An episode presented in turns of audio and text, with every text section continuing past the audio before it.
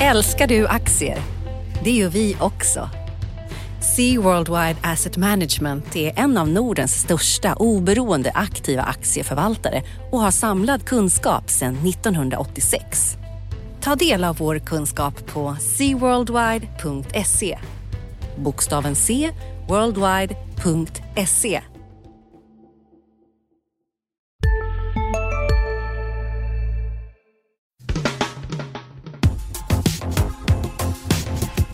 Analyspodden från Dagens Industri. Hejsan och välkomna till Dagens Industris analyspodd med mig Ulf Pettersson och mitt emot mig har jag Martin Blomgren. God morgon Martin. God morgon, god morgon.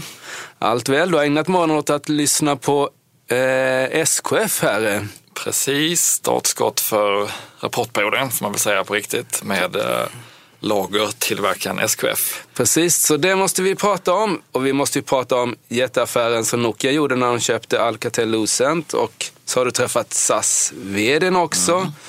Och vi har haft en budget och sen så har vi Lite danska fulbud kanske vi ska prata om också, ja. Eh, Burger King, Burger King-affärer. Mm. Mm.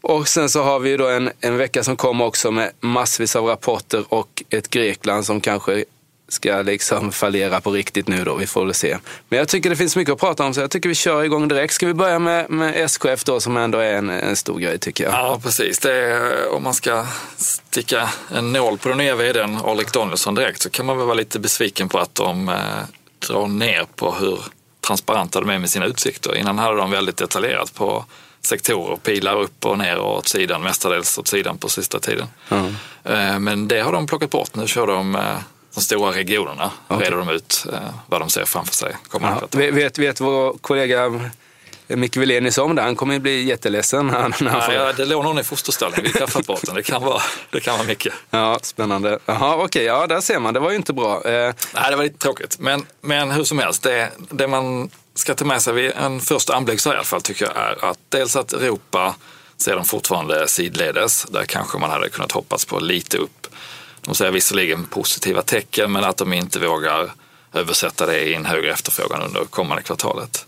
Eh, och det andra man ska ta med om man då ska försöka dra den här rapporten till andra bolag, inte bara för SKF, det är att i Nordamerika så har det gått sämre än vad de själv trodde inför kvartalet. Mm, och det är ju ändå dragloket här, så det kan ju mm. vara lite oroväckande. Och det är inte bara SKF, utan det kunde man ju läsa även i Electrolux vinstvarning att Nordamerika Precis. var jobbigt, även om man kanske då trodde att det var Electrolux som hade det jobbigt. Men det kan ju vara Nordamerika också. Ja, och det har ju varit rätt så dålig makrostatistik från USA. Just det, eh, det är svag sysselsättning och sånt där. Så, ja. Sämre husbyggande. Och alltså, det som var väldigt intressant tycker jag som man ska ta med sig när man tittar på kommande bolag är att de har inte så stor direkt exponering mot olja och gruvsektorn som är det som, som lite har dragit ner i USA mm. och även eh, jordbrukssektorn. Däremot säger de att de underskattade hur exponerade deras kunder var. Uh-huh. Så att det blev den här eh, dominoeffekten som, som mm. man får. Ingen kommer undan.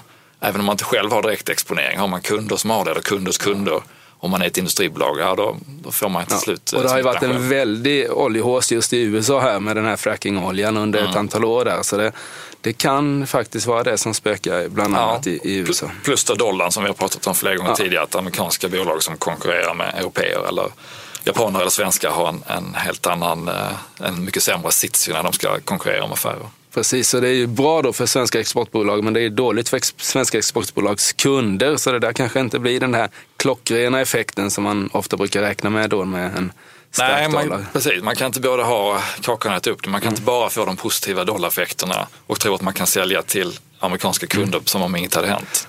Bra, Nej, men spännande. Jag tror att eh, för förra, rapport, förra rapportperioden när det var bokslutstider då, eh, här i januari, februari, så var SKFs rapport den som vände hela, hela klimatet. Mm. Det var lite osäkert inför och det hade kommit en svag Ericsson-rapport och så kom SKF och sen så drog börsen 10 procent. Det kanske blir Ja, och nu har en, de gått, SKF har gått 40 procent bara i år ja, för den här rapporten. Så det känns som det kan bli en, en helt omvänd situation här då med en, en dålig SKF som kanske kan föra ner hela börsen en bit. Vi får väl se. Det, det avgörs i nästa vecka mm. som sagt var. Det hade ju, måste jag säga, det hade ju varit mycket, mycket värre om de hade sagt att Europa har börjat plana ut och dra sig neråt. Så var det ju ja, inte. Nej.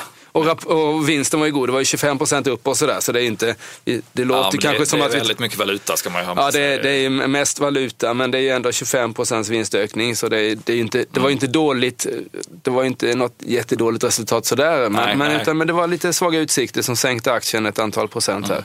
Jag skulle säga som väntat, förutom den här Nordamerika-faktorn som, som kan komma smyga in i flera bolags... Eh, Bra, vad, vad, vad, vad går vi vidare på nu då tycker du Martin? Ska vi prata lite om jätteaffären där Nokia Just det, eh, Nokia gör då en jätteaffär. De gör mycket jätteaffärer nu för tiden. Eh, de sålde ju sina mobiler, nu börjar det bli ett tag sedan då till, till Microsoft och så har de ju gjort Siemens-affären innan dess. Och nu ska de då gå ihop med, eh, eller de, de blir väl två tredjedelar av det sammanslagda bolaget av Alcatel Lucent då och fransmännen och, och finska Nokia. Det Blir ju en eh, klockren konkurrent ännu mer till Ericsson här. Eh, det kan väl vara bra för hela branschen brukar det bli när en stor spelare försvinner, vilket det blir i det här fallet. Eh, sen blir det förstås då stökigt att få ihop det där, eh, men Ja, men jag tror, som du säger, det är precis som man kan läsa in i kursreaktionen också. Första dagen faller aktien, alla blir livrädda. Okej, nu har de precis blivit av med mobilerna, har en jättekassa. Man börjar se liksom aktieägarvänliga åtgärder komma Ja. och då köper de ett franskt eh, telekombolag. Ja. Då, då ser man ju verkligen, alltså fransk kultur och Finsk. finsk, låter inte Det- som det en låter match som- made in heaven. nej, det låter liksom som, som ytterligheterna lite grann. Ja. Men de verkar ju ha smekt fransmännen väldigt mycket med oss redan inför affären och har lagt fram program på hur de ska hur, hur de ska kunna behålla jobb i Frankrike och s- bidrag till startups och sådär. Så att, eh, Ja. Tittar man kortsiktigt så ser man ju allt stök och vill sänka aktien. Tittar man långsiktigt så ser man väl då en, en marknad någon gång om några år där, där det kanske bara är tre spelare som har data och telekom. eh, Ja, det är ju verkligen en global värld här. Det är en indisk vd och finska och franska bolag som går ihop här. Och, och det finns ju inte så många kvar. Det är Ericsson och det är kineserna och sen så är det då eh, Nokia, Alcatel här egentligen. Så, visst, det, men, men det är klart, nu är det så få spelare så, så nu får väl EUs konkurrensmyndigheter kolla vad som händer egentligen och kanske även USAs då. Men, eh, men, Sen är det ju att de betalar med eh, aktier inte med kassa. Det, det fick väl också eh, aktiemarknaden bli lite gladare. eh, för, för Nokias eh, aktieägare ja. Ja, precis. Ja, precis.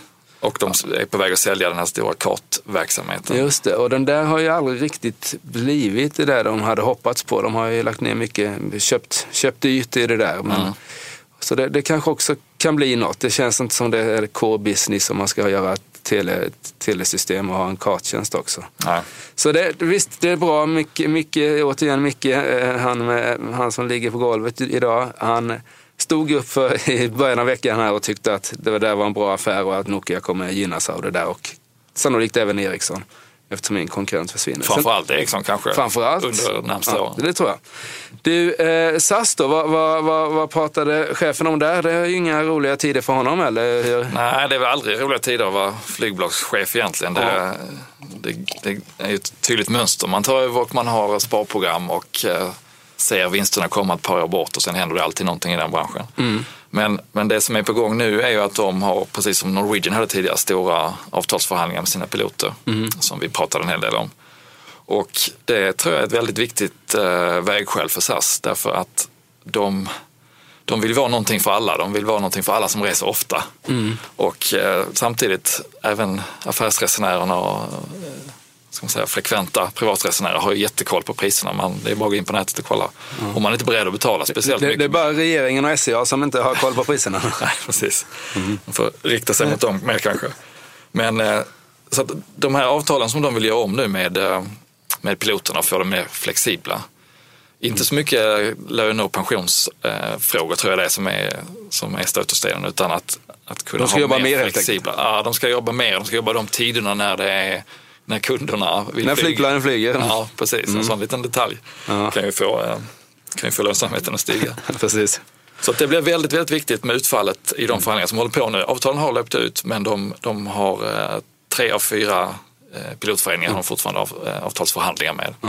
Men det där borde väl piloterna gilla också. De, de, man har väl valt att bli pilot för att flyga och inte sitta i loungen mellan flygningarna, eller hur? Ja, så är det. Men det är klart, har man, är man 50 årsåldern och har flugit länge kanske och vant sig vid loungerna så, kanske man ser att man kan härda ut med de avtal man har till man går i pension.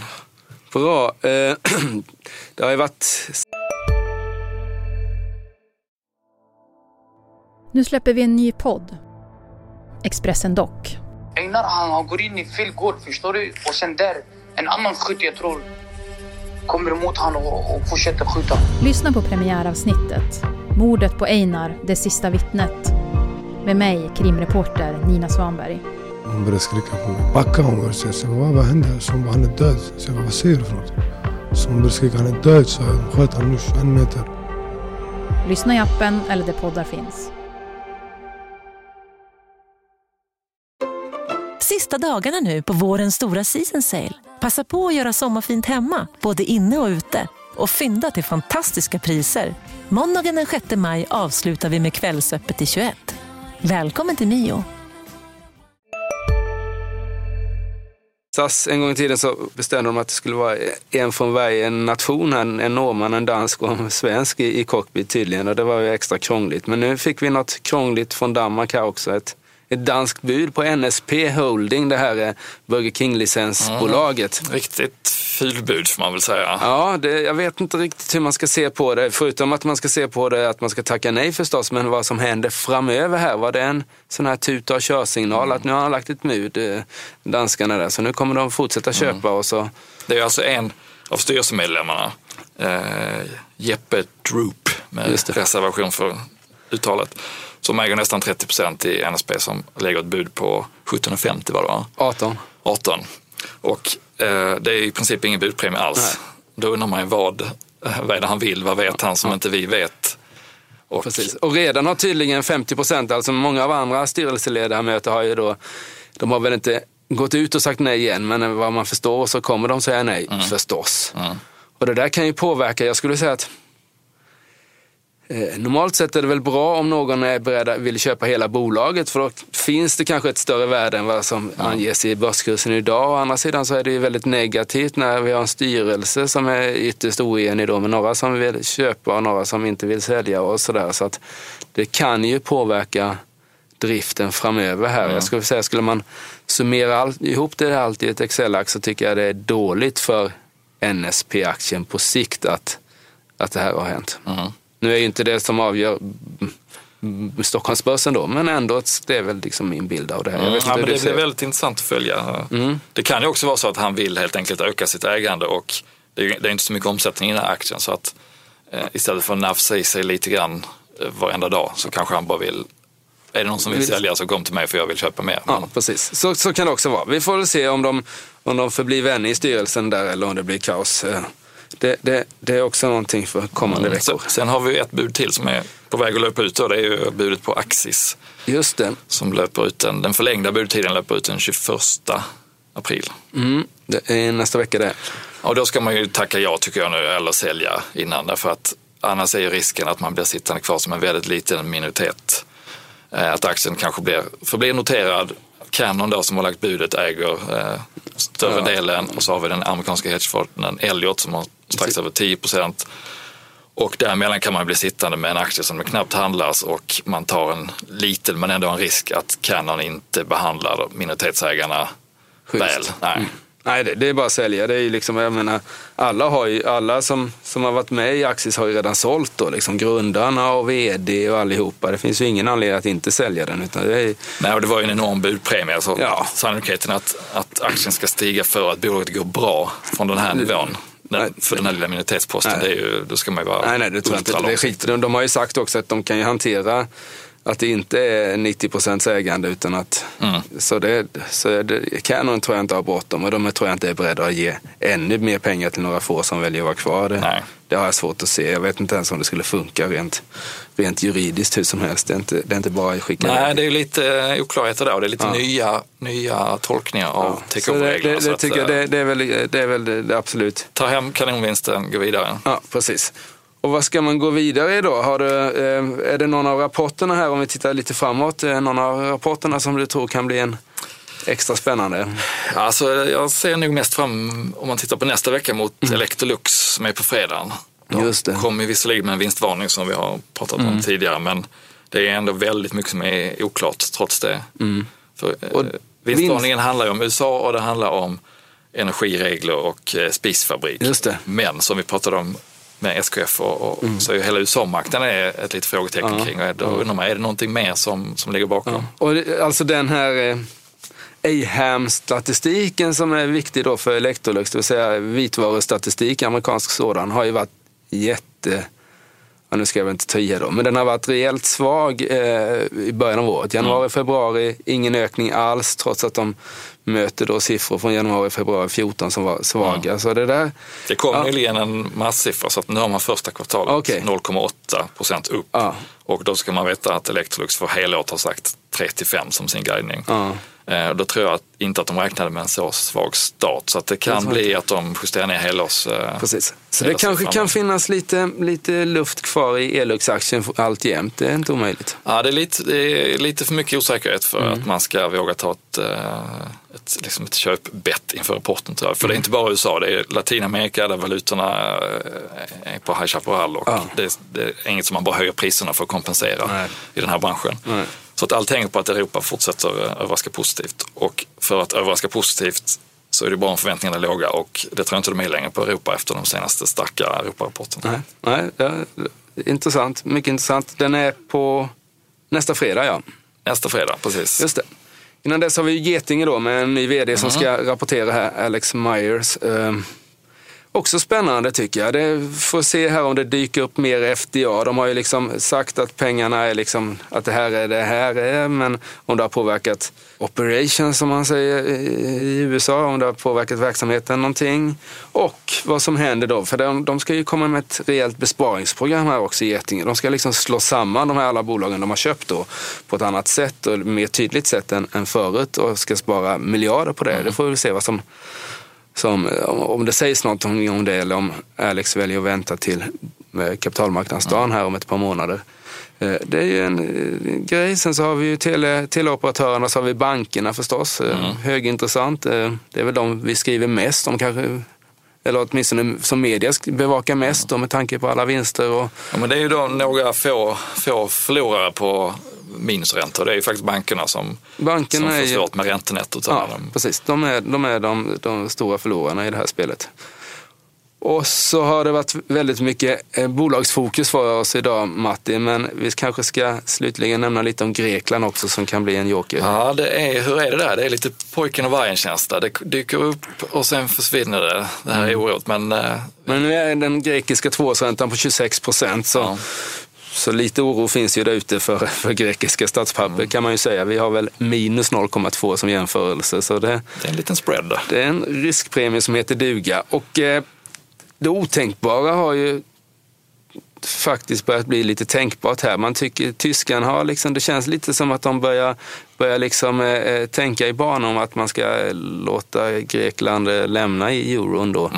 Eh, det var någon av de här eh, eh, kreditinstituten som sänkte dem till trippel C, vilket är konkursvärdering egentligen. Eh, och sådär, det avgörs också här. Eh, det finns ett möte den 24. IMF, IMF-chefen lät också ganska hård när det var Ja.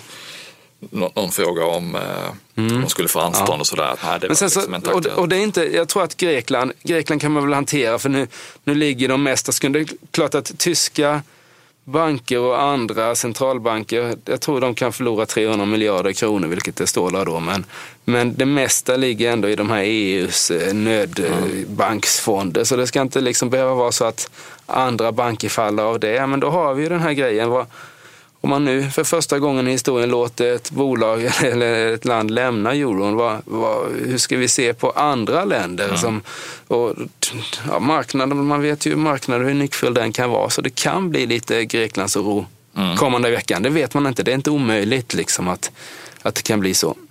Eh, vi får väl se, det där blir också någonting att hålla koll på vid sidan av alla rapporterna. 12 maj är det väl ett eh, viktigt datum. I Grekland? Ja. Ja, men det finns viktiga, de ska mötas i Riga här i nästa vecka och sådär. Så jag tror att vi, det kommer hända saker även nästa vecka här vad det gäller, vad det gäller Grekland. Och så har vi alla då eh, uttalanden som kan göras bara för att det inte är möten eh, och sådär.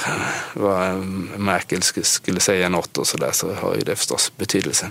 Så det är Grekland och rapporter. Grekland väl- rapporter och en liten varningsflagga för att eh, fler bolag än SKF kanske har underskattat eh, USA och då inte den direkta effekten av olja och eh, gruvor och jordbruksnedgång utan att man har blivit smittad mer än vad man trodde. Mm. Jättebra avslutning. Eh, då får vi, Då åker vi. åker vi, får vi ta en kort helg och sen så jobba på riktigt i nästa vecka igen. Det gör vi. Tack för den här gången. Tack, tack. Hej. Analyspodden från Dagens Industri. Programmet redigerades av Umami Produktion. Ansvarig utgivare Peter Fellman.